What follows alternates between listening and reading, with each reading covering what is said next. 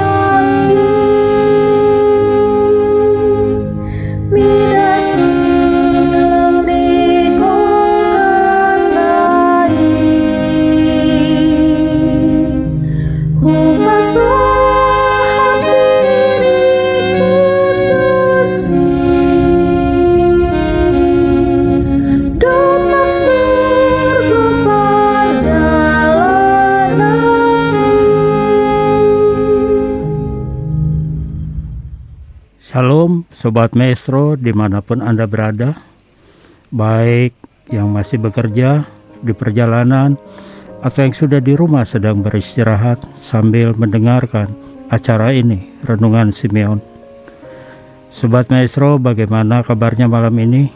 Semoga dalam keadaan baik dan sehat Sekiranya Sobat Maestro ada yang dalam keadaan yang kurang sehat Harus beristirahat di rumah atau di rumah sakit kami akan mendoakan Sobat Maestro, kiranya Tuhan Yesus memberikan kesembuhan dan kekuatan baru melalui makanan dan obat-obatan yang diberikan oleh dokter.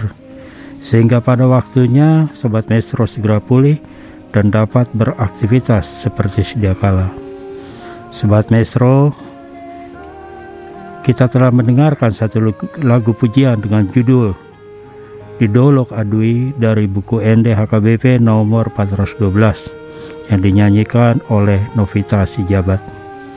Sobat Maestro senang sekali selama 50 menit ke depan saya Penatua Edison Silain akan menemani Sobat Maestro dalam acara kita malam ini yaitu Renungan Simeon. Renungan Simeon mengajak kita untuk mengingat, mensyukuri, dan merenungkan kebaikan Tuhan yang senantiasa menolong kita sepanjang hari ini. Biarlah pertolongan Tuhan yang kita terima di sepanjang hari ini menjadi kesaksian kita dan memperkenalkan Tuhan kita bahwa Dia Allah yang sungguh baik. Sobat Maestro, topik renungan malam ini berjudul Mengapa Ia Disalibkan yang akan disampaikan oleh Bapak Pendeta Rory C. Sibarani STH. Sobat Maestro, bila ada yang ingin bertanya atas renungan yang sebentar lagi kita dengarkan maupun permintaan doa atas pergumulan yang dihadapi dapat disampaikan kepada kami melalui WA nomor 0813 4165 8319.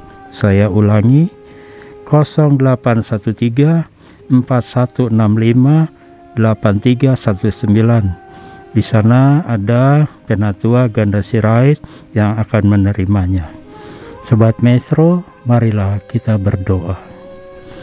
Bapa Surgawi terima kasih atas kasih anugerah yang Tuhan berikan kepada kami semua Sobat Maestro di mana pun berada. Engkau senantiasa melingkupi kami dengan kasih pertolongan, perlindungan, penyertaan dalam seluruh aktivitas kami, baik di tempat pekerjaan, di perjalanan, di rumah, bahkan ketika kami tidak berdaya dan terbaring di tempat tidur, di rumah atau di rumah sakit. Engkau setia menjaga, melindungi, dan menyembuhkan kami. Saat kami mendengarkan firman-Mu Tuhan, berikan pengertian dan buka jalan. Dalam nama Tuhan Yesus. Amin. Sobat Maestro, marilah kita mendengarkan satu pujian dalam bahasa Sunda dengan judul Na Anjen Na Layak yang dinyanyikan oleh Lara Sandra Nur Angelina.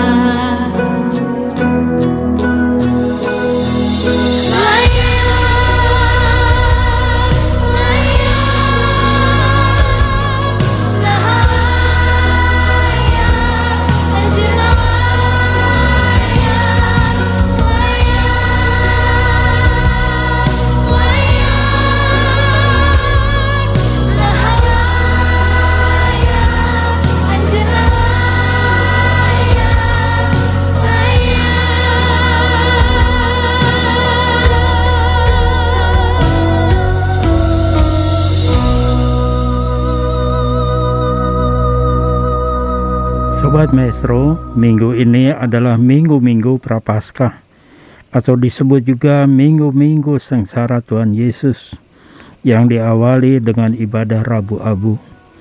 Topik renungan malam ini, mengapa ia disalibkan?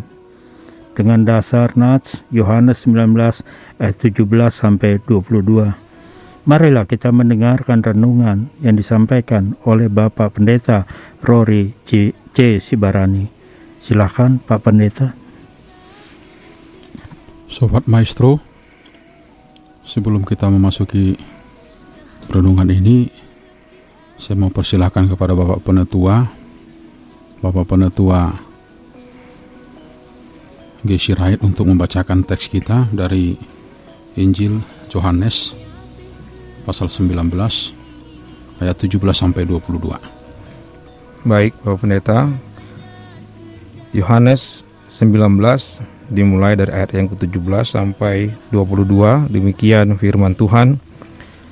Sambil memikul salibnya ia pergi keluar ke tempat yang bernama tempat tengkorak dalam bahasa Ibrani Golgota dan di situ ia disalibkan mereka. Dan bersama-sama dengan dia disalibkan juga dua orang lain sebelah menyebelah Yesus di tengah-tengah. Dan Pilatus menyuruh memasang juga tulisan di atas kayu salib itu, bunyinya, Yesus orang Nazaret, Raja orang Yahudi. Banyak orang Yahudi yang membaca tulisan itu, sebab tempat di mana Yesus disalibkan letaknya dekat kota, dan kata-kata itu tertulis dalam bahasa Ibrani, bahasa Latin, dan bahasa Yunani. Maka kata imam-imam kepala orang Yahudi kepada Pilatus, "Jangan engkau menulis raja orang Yahudi, tetapi bahwa ia mengatakan, 'Aku adalah raja orang Yahudi.'" Jawab Pilatus, "Apa yang kutulis tetap tertulis." Demikian firman Tuhan. Terima kasih Bapak Penetua Gesi Rahid Sobat Maestro kita sudah di masa-masa prapaskah. Saat-saat ini kita dibawa dalam satu perenungan untuk semakin memastikan kenapa kita harus memasuki satu peristiwa yang cukup luar biasa ini sehingga ketika kita mampu memastikan itu kita juga dimampukan untuk mensyukuri apa makna dari pasca itu sendiri. Sobat Maestro Dari sekian banyak kesepakatan Salah satu kesepakatan Kesepakatan jahat yang kita temukan Atau konspirasi yang tidak baik yang kita temukan dari peristiwa penyalipan adalah ketika terjadi kesepakatan dari beberapa pengambil keputusan pada saat itu. Walaupun sebenarnya kita paham betul bahwa kesepakatan yang dibangun oleh pribadi-pribadi yang diperkenalkan oleh Injil Yohanes ini adalah pribadi-pribadi yang sebenarnya dari awal paham dan mengerti bahwa keputusan yang dia lahirkan itu adalah keputusan yang tidak baik keputusan yang salah. Nah, bagaimana ini menjadi perenungan kita pada saat-saat prapaskah seperti ini? Kenapa saya katakan dari pribadi-pribadi yang tidak paham, ya, bahkan tidak memahami akan akibat daripada kesepakatan-kesepakatan itu? Saya mau ajak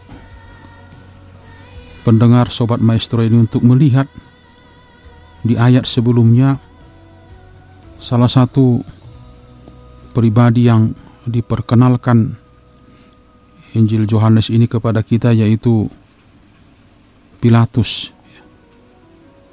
Dari awal dia sudah mengatakan aku tidak mendapati kesalahan apa pun padanya.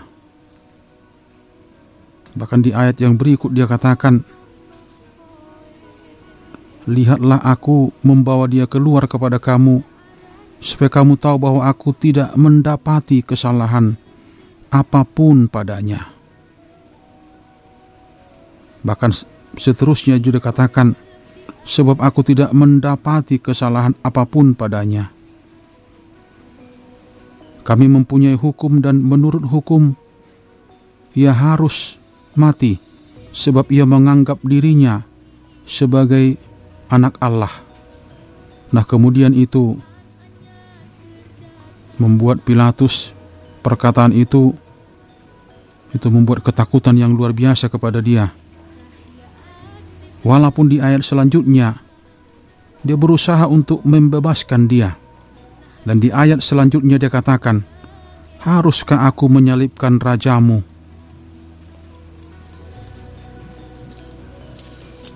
Saya tidak akan memperkenalkan pribadi yang lain, tapi saya mau mengajak kepada pendengar sobat maestro untuk belajar apa yang diakibatkan, apa keputusan yang diakibatkan oleh seorang pengambil keputusan yang salah seperti ini. Kalau kita mengangkat satu tema mengapa ia disalibkan, saya mau mengajak kita semua saudara-saudara untuk memasuki peristiwa itu. Bagaimana Yesus sambil memikul salibnya ketika ia pergi keluar ke tempat yang bernama Golgota, tempat penyalipan itu saya mau ajak kita pendengar Sobat Maestro untuk membayangkan Seandainya saya dan Anda ada di situ pada saat itu dalam perjalanan Yerusalem menuju Golgota. Seandainya saya dan Anda ada di tengah-tengah kerumunan dan menonton Yesus yang tertatih-tatih memikul salib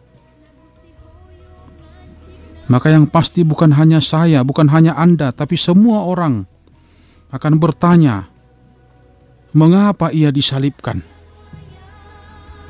Mengapa ia mesti disalibkan? Dalam persekutuan kita secara pribadi melalui pembacaan firman, ya, melalui dengar-dengaran akan firman, bahkan juga melalui meditasi-meditasi subuh kita, kita akan terus untuk mampu mengenal pribadi Yesus. Mengapa ia disalibkan? Mengapa ia mesti disalibkan? Orang yang baik yang hanya menampilkan kelemah lembutan, yang hanya diwarnai kelemah lembutan yang bisa kelihatan di dalam wajahnya, yang hanya mewarnai kehidupannya dengan kebaikan. Yang itu kita pahami adalah keluar daripada hati dan belas kasih yang dimiliki oleh Yesus. Bahkan dengan tindakan Yesus yang begitu tenang, Yesus yang begitu memiliki wibawa, kalimat-kalimat yang memiliki kuasa, bahkan keajaiban-keajaiban. Orang buta melihat, orang lumpuh berjalan, orang tuli mendengar, bahkan orang mati dibangkitkan. Yesus yang mengembalikan harga diri. Bagaimana orang yang ditolak oleh masyarakat itu, kemudian dipastikan Yesus bahwa dia adalah orang yang diselamatkan Kemudian Yesus memastikan bahwa dia adalah orang yang memiliki hak yang sama. Saya dan Anda akan bertanya bagaimana mungkin dia yang memiliki kuasa ilahi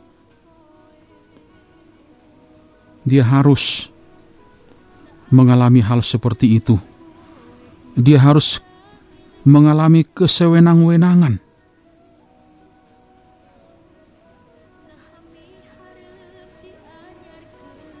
Saudara-saudara, saya mau yakinkan kita sobat maestro kalau kita masih akan terus mempertanyakan itu, kalau saya dan Anda akan terus mempertanyakan itu, kita pastikan kita masih memiliki hati nurani. Tapi ketika kita tidak lagi, ketika Anda dan saya tidak lagi mempertanyakan itu, kita tidak lagi memiliki hati nurani. Memang, tidak semua orang memiliki keberanian untuk berbuat, keberanian untuk bicara, karena ada risiko yang cukup besar, ada risiko yang cukup mahal pada saat itu.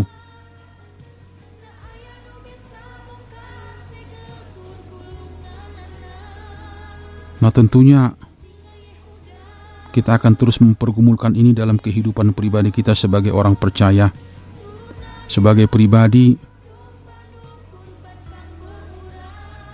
yang setia, bahkan selalu menghidupi dan memahami akan pengorbanan Yesus dalam kehidupan kita. Kita akan bertanya mengapa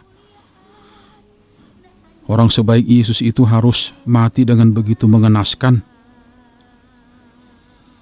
Apakah memang harus seperti itu? Nah, kemudian kita mencoba ini dalam kehidupan kita.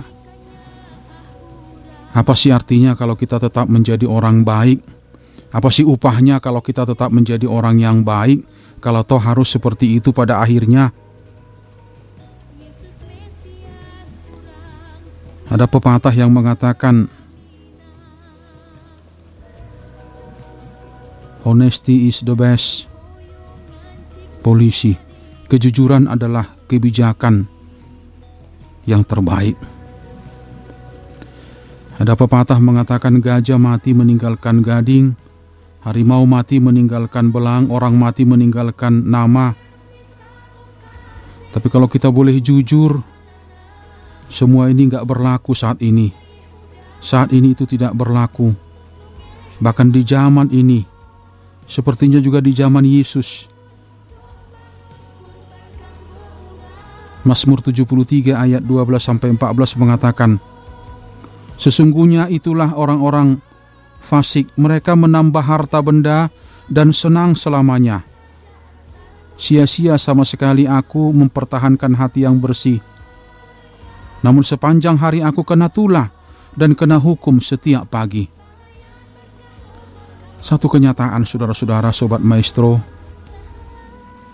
zaman yang kita katakan zaman Edan ini, ya kalau kita tidak ikut, ya kita nggak kebagian. Nah kemudian kita setuju dengan hal seperti itu.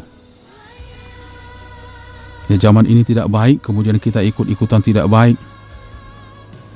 Walaupun kita tahu itu sesuatu yang tidak baik, kita mau selalu dunia ini berpihak sama kita.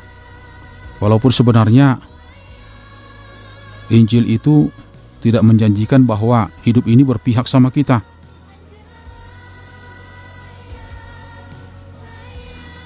Kita lupa saudara-saudara bahwa kebenaran itu bukan sesuatu yang mudah. Kebenaran itu sesuatu yang harus diperjuangkan. Apa yang kita boleh temukan dalam pribadi Yesus ini? Coba kita melihat lukisan-lukisan tentang penderitaan Yesus. Dari semua lukisan-lukisan itu, apa yang ditampilkan oleh wajah Yesus itu? Yesus yang menderita itu, Yesus yang dihukum itu. Ada wajah yang selalu menyemangati kita ada wajah yang selalu memberikan kekuatan kepada kita dan wajah yang tidak akan pernah mengambil semangat itu daripada kita.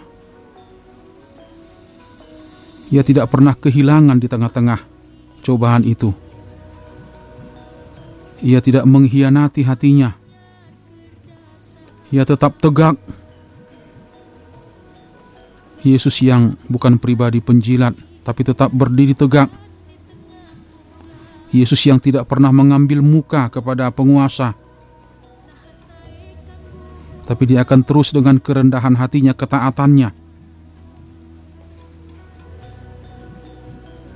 Memang itu sesuatu yang tidak mudah. Untuk hidup seperti Yesus, ada harga yang harus dibayar mahal, risiko yang amat besar. Tapi kita jangan lupa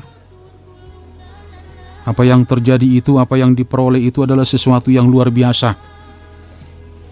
Karena untuk memahami akan penderitaan Yesus bukan sesuatu yang biasa, tapi sesuatu yang luar biasa dan kita tidak akan bertanya dalam kehidupan kita kenapa ada penderitaan itu. Karena dia sudah lebih dahulu melewati itu dan memenangkan itu.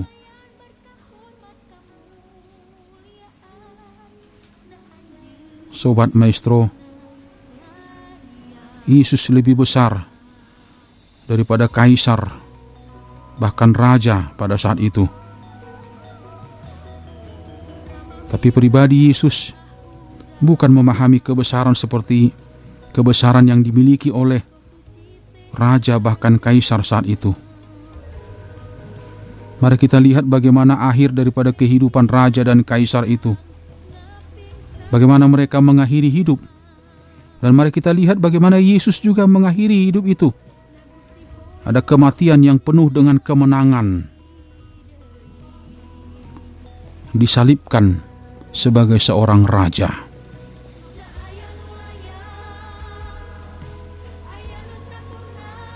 Itu yang akan memenangkan kita dalam kehidupan kita ini. Ya. Memang budaya orang modern saat ini adalah budaya yang mencari sesuatu yang awet, langgeng, ya. Walaupun itu sesuatu yang sulit, tapi lebih banyak orang menghidupi budaya fast food, budaya instan, sekali pakai buang. Ya kalau cari kebahagiaan, pokoknya kebahagiaan tanpa kita pernah memahami apakah itu kebahagiaan fast food, kebahagiaan yang instan, kebahagiaan yang gampang. Oleh karena itu, jangan pernah sepakat dengan apa yang ditawarkan oleh dunia ini. Salib semakin menjadi barang aneh juga bagi kita. Oleh karena itu, jangan salib itu hanya sebagai lambang dalam hidupmu. Jangan salib itu sebagai gaya hidup. Tapi biarlah itu sebagai hidupmu. Ya. Sebagai bentuk kehidupanmu karena kita bukan memikul salib orang, tapi salib yang akan kita kita pikul secara pribadi dan dia adalah teladan dalam memikul salib itu sendiri. Tuhan memberkati kita.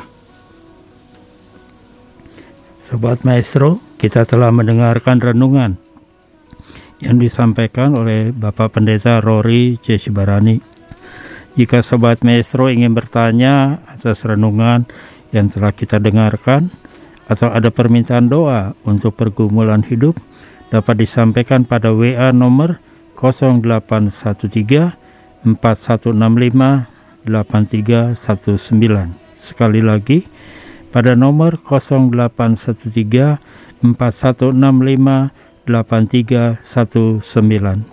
Sobat Maestro, marilah kita mendengarkan satu lagi pujian dengan judul Terima Kasih Yesus yang dilantunkan oleh Hedi Pasaribu dan Stella Panggabean pada keyboard.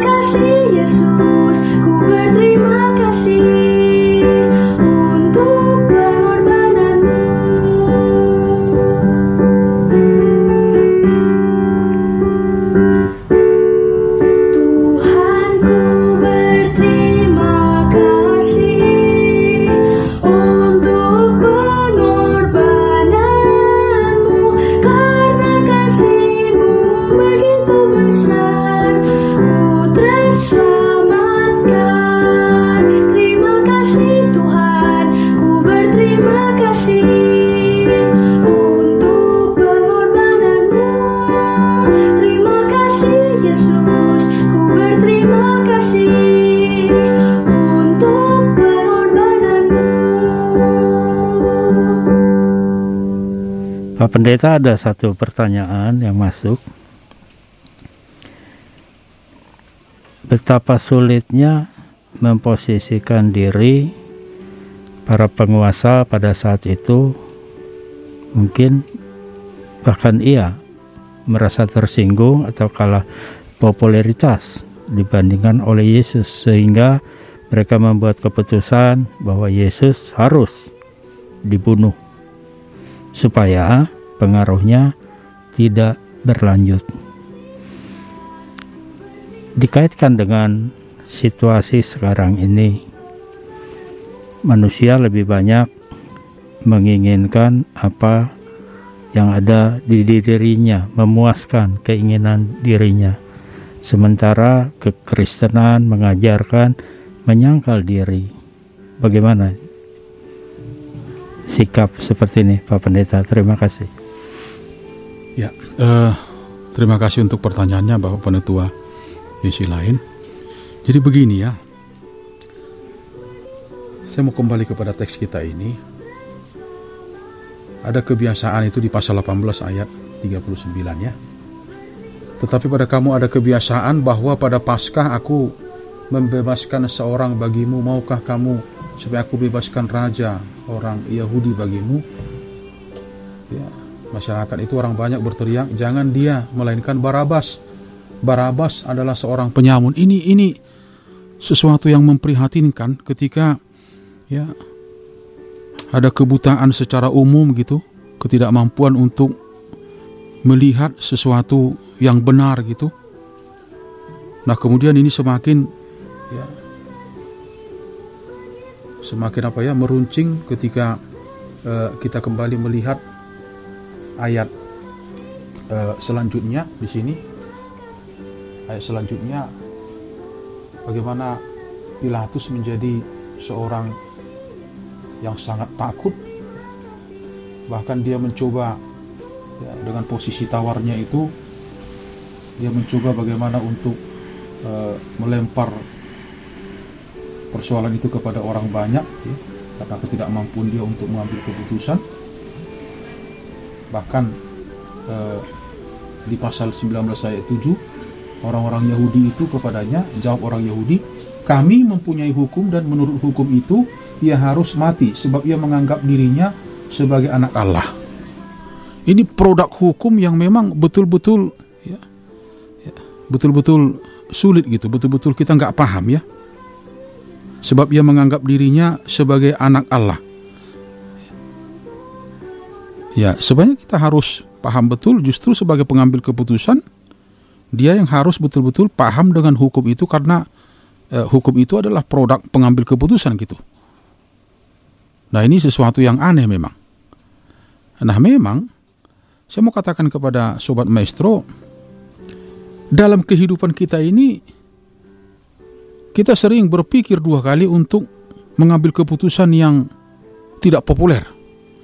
Karena untuk keputusan-keputusan yang populer yang mungkin melegakan semua orang, menyenangkan semua orang, itu sesuatu yang mudah. Tapi untuk mengambil keputusan yang tidak populer, itu bukan sesuatu yang mudah. Dan memang Injil itu, firman Tuhan itu adalah sesuatu yang tidak populer pada saat ini. Saya pernah baca buku ada dalam buku itu eh, kita tidak akan mampu untuk menyenangkan semua orang, ya. Bahkan di tengah-tengah keluarga sendiri keputusan yang diambil oleh seorang bapak itu mungkin tidak bisa menyenangkan semua keluarga itu. Dalam dunia kerja kita juga, bahkan di tengah-tengah persekutuan. Tapi memang untuk mengambil supaya bagaimana supaya orang supaya orang bisa e, terpuaskan, kemudian bisa e, senang bersuka cita itu sesuatu yang sah-sah saja, tapi pasti itu akan tidak pernah apa namanya tidak akan pernah e, didukung oleh Injil itu. Kenapa? Kenapa Injil itu kan Injil itu kepastian, kebenaran, keadilan itu soal-soal Injil gitu. Nah, jadi memang di tengah-tengah bangsa kita ini juga kita harus makanya di Roma pasal 13 itu kan doakan pemerintah katanya di situ ada pemerintah e, supaya pemerintah yang bijak katanya karena ini tugas kita sebagai warga negara supaya keputusan-keputusan yang dilahirkan oleh pemerintah itu adalah wujud keputusan yang memang dia adalah keputusan yang takut akan Tuhan saya berpikir di situ uh, pemimpin sekecil apa pun kita gimana supaya keputusan-keputusan kita itu walaupun itu tidak populer tapi itu menunjukkan keputusan kita yang kita taat sama Tuhan gitu kita takut uh, kepada Tuhan gitu Nah itu itu konsekuensi dan itu dan kita harus punya keberanian. Ya, kita nggak boleh bimbang dengan itu. Uh, saya pikir saya melihat di situ. Makasih. Baik, terima kasih Pak Pendeta. Sobat Maestro, marilah kita dengarkan lagu pujian Tenanglah Kini Hatiku oleh Victor Retra Ubun.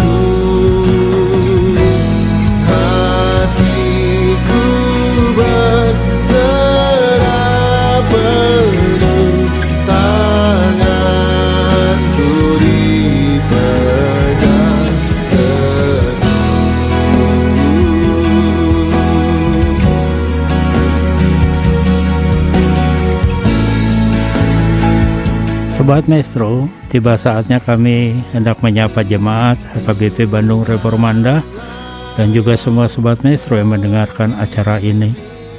Yang pertama kami menyapa keluarga H. Pardede, Boru Pitoy di Jati Handap bersama putranya Gabi Pardede dan Posma Pardede. Demikian juga keluarga Bapak Sibarani, Boru Siregar, dan putrinya Bahdalena Boru Sibarani di Pleret Antapani.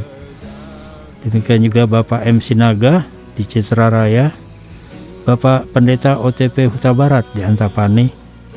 Demikian juga pemuda kami Alvin Simanjuntak di Cisokan, Ibu Sinaga Boru Siregar di Sekelwa, Bapak M. Tambun di Pasir Impun, Bapak M. Simanjuntak yang dirawat di Rumah Sakit Advent, kiranya Tuhan memberikan kesembuhan kepada Bapak Simanjuntak. Demikian juga Bapak FL Tobing di Rancamanyar, juga putrinya Gabriela Boru Tobing.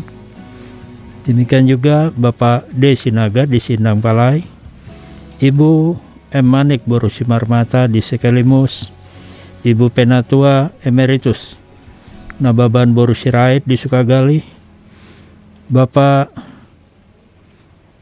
Rudi Marbun dan Ibu Boru Matondang di Setiabudi, juga kedua putranya Jakob Giando Marbun dan Paulus Salomuan Marbun.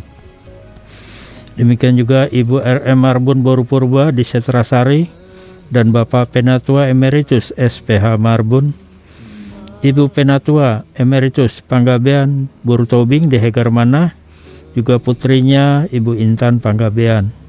Kami juga menyapa jemaat dan majelis gereja HKBP di Bandung, Cimahi, dan di mana pun yang mendengarkan acara ini. Demikian juga jemaat dan majelis gereja Kristen Pasundar di Tatar Pasundan. Jemaat dan majelis gereja-gereja di Bandung, Jawa Barat, dan seluruh Indonesia yang mendengarkan acara ini. Saatnya kita akan memasuki doa syafaat yang akan dibawakan oleh Bapak Pendeta Rory C. Sibarani.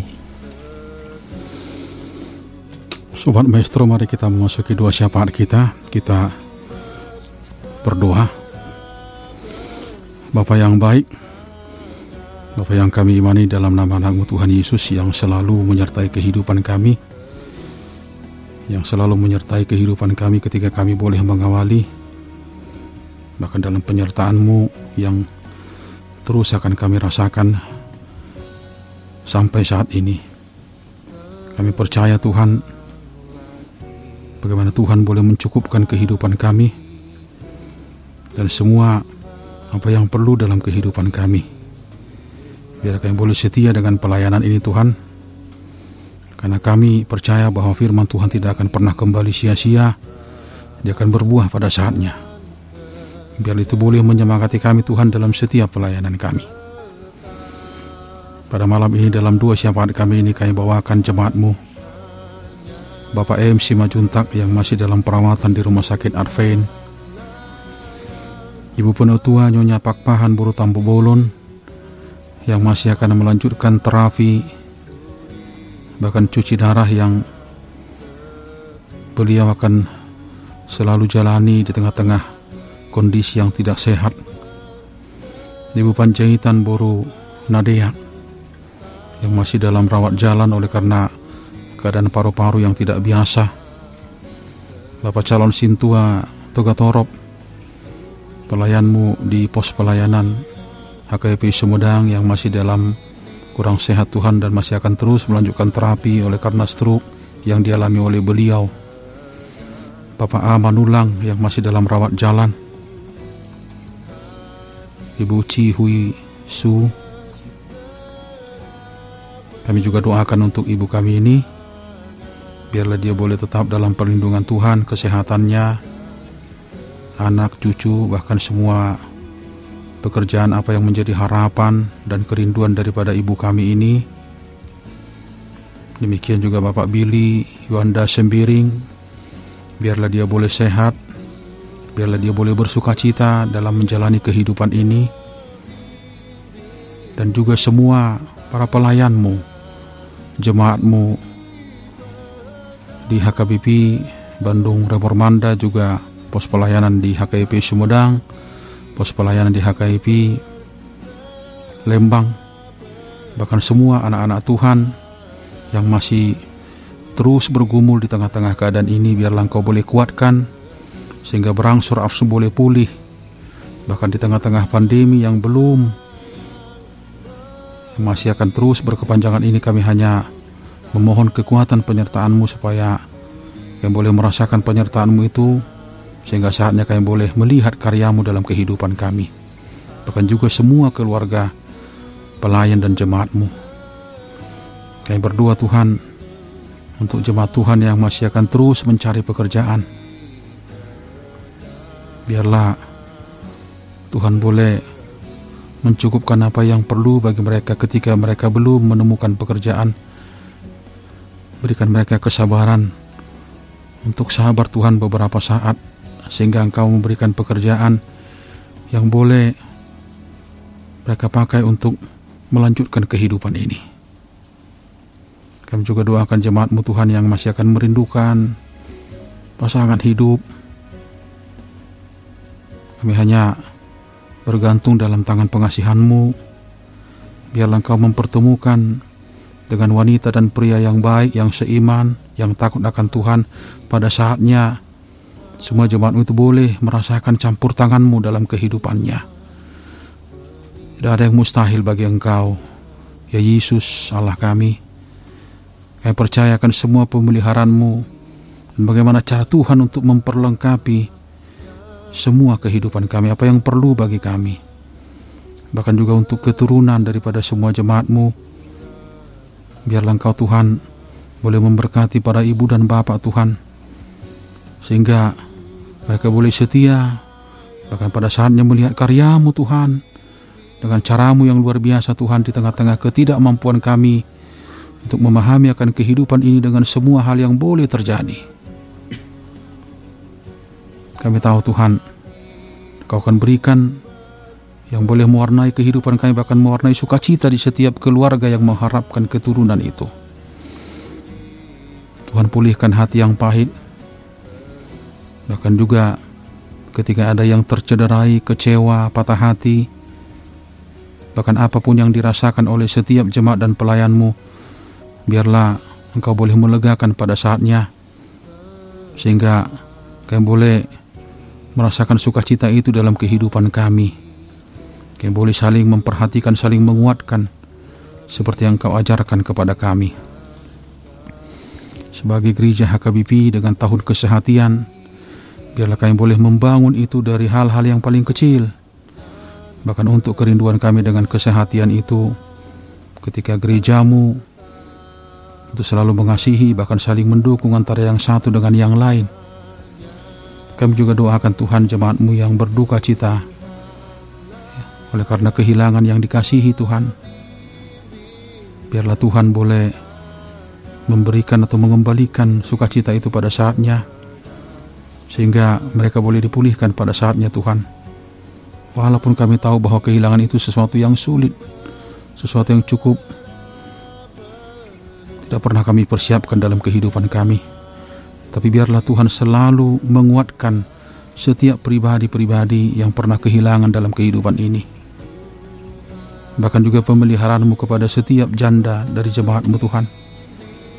Pelayanmu, anak yatim piatu yang sudah tidak memiliki orang tua. Biarlah bukan hanya melalui keluarga tapi gereja Tuhan bahkan orang-orang yang mengenal dan mengasihi mereka. Mereka boleh dicukupkan untuk kebutuhan kehidupan. Kebutuhan Tuhan untuk hidup yang masih akan terus di jalan ini. Ketuk hati kami Tuhan untuk boleh saling menguatkan supaya kehadiran kami bisa menjadi berkat bagi orang-orang yang patut janda dan anak yatim piatu. Kami juga doakan Tuhan kondisi ini di mana COVID-19 dengan varian-varian yang baru yang belum melandai untuk kota Bandung, provinsi ini bahkan juga untuk bangsa ini Biarlah kami boleh disadarkan Tuhan untuk menjaga ini dari segala kemungkinan. Kami doakan pemerintah pusat sampai ke pemerintahan yang paling terendah di daerah Tuhan di tingkat RW, RT supaya semua boleh bersinergi Tuhan mengambil keputusan dengan penuh kehati-hatian. Ketika kami mendengar bahwa pandemi ini akan menjadi endemi, biarlah ini semakin membuat kami untuk semakin menjaga kesehatan itu. Karena kami tahu Kesehatan itu begitu penting dan ketika kami sehat kami boleh melakukan banyak hal Tuhan dalam pekerjaan kami. Kami juga doakan untuk keamanan ketika ada sinergi antara TNI dan Polri Tuhan untuk tidak pernah lengah menjaga bangsa ini Tuhan supaya tidak terpecah supaya boleh selalu dalam kesatuan karena kami tahu Tuhan keamanan itu akan mengawali kami untuk melakukan hal-hal yang besar di tengah-tengah bangsa ini, bahkan di tengah-tengah persekutuan kami juga sebagai gereja. pemimpin-pemimpin dari tingkat pusat sampai daerah. Biarlah mereka boleh bekerja sama Tuhan untuk serius dengan soal kesehatan, soal stabilitas, soal kebutuhan, soal keamanan Tuhan. Sehingga tidak ada terjadi gesekan antara yang satu dengan yang lain. Ketika semua para pemimpin melihat satu fokus Tuhan, bagaimana supaya masyarakat ini boleh sejahtera, boleh tenang Tuhan dan aman untuk melakukan semua pekerjaannya. Berkati gereja Tuhan dengan semua tanggung jawabnya, dengan persekutuannya, dengan diakonianya, dengan kesaksiannya, supaya tidak kehilangan kekuatan Tuhan dengan semua tugas panggilan yang kau sudah berikan. Biarlah firman Tuhan itu boleh bekerja melalui tugas panggilan itu Tuhan, dan semua terberkati bahkan merasakan akan kehadiran gereja di tengah-tengah kehidupan setiap pribadi yang percaya kepadamu. Kami berdoa untuk radio maestro ini Tuhan. Pimpinan staf dan seluruh karyawan ketika gereja, ketika bahkan kerjasama antara gerejamu dengan radio maestro ini terus berkelanjutan sehingga radio ini boleh menjadi alat Tuhan untuk menyampaikan kabar kesukaan Injil bukan hanya untuk kota Bandung ini, provinsi, tapi untuk seluruh dunia. Biarlah Tuhan memulihkan kota Bandung ini, bahkan juga provinsi ini, sehingga radio maestro ini Tuhan boleh kembali dipulihkan. Ketika itu menjadi sukacita bagi semua Tuhan, bahkan juga menjadi berkat kehadiran radio ini Tuhan di tengah-tengah kota Bandung ini. Biarlah kerjasama yang sudah baik ini Engkau boleh Tuhan kami boleh pelihara ini untuk saling mendukung, bahkan juga untuk gerejamu dengan semua kesaksiannya, sehingga kami boleh Tuhan dikuatkan oleh sapaan-sapaan firman kami melalui radio maestro ini. Terima kasih Tuhan Yesus. Dengarkanlah doa permohonan kami ini. Amin. Sobat Maestro, kami akan mengakhiri acara ini. Kiranya Tuhan senantiasa menyertai Sobat Maestro di mana pun kita akan bertemu kembali pada acara yang sama minggu depan pada hari dan jam yang sama. Shalom.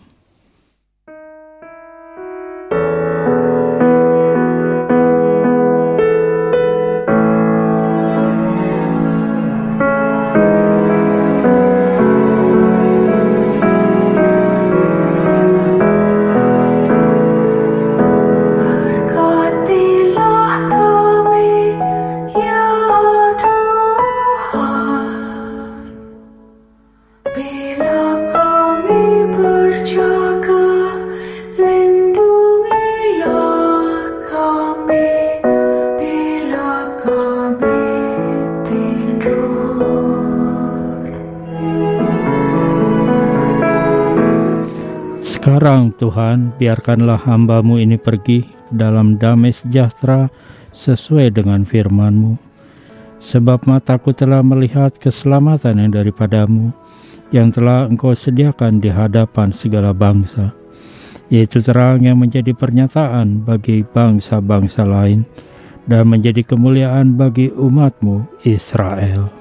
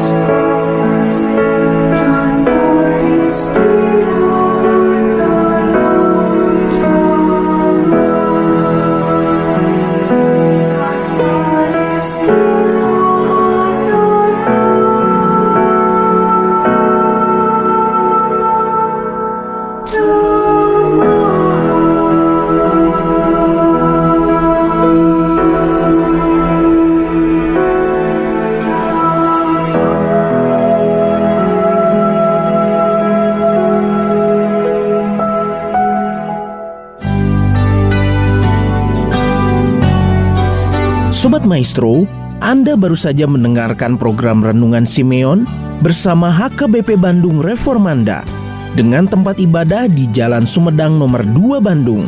Fon 0813 4165 8319. Kebaktian Umum Bahasa Indonesia pukul 7. Kebaktian Umum Bahasa Batak pukul 10.30. Kebaktian Sekolah Minggu pukul 9.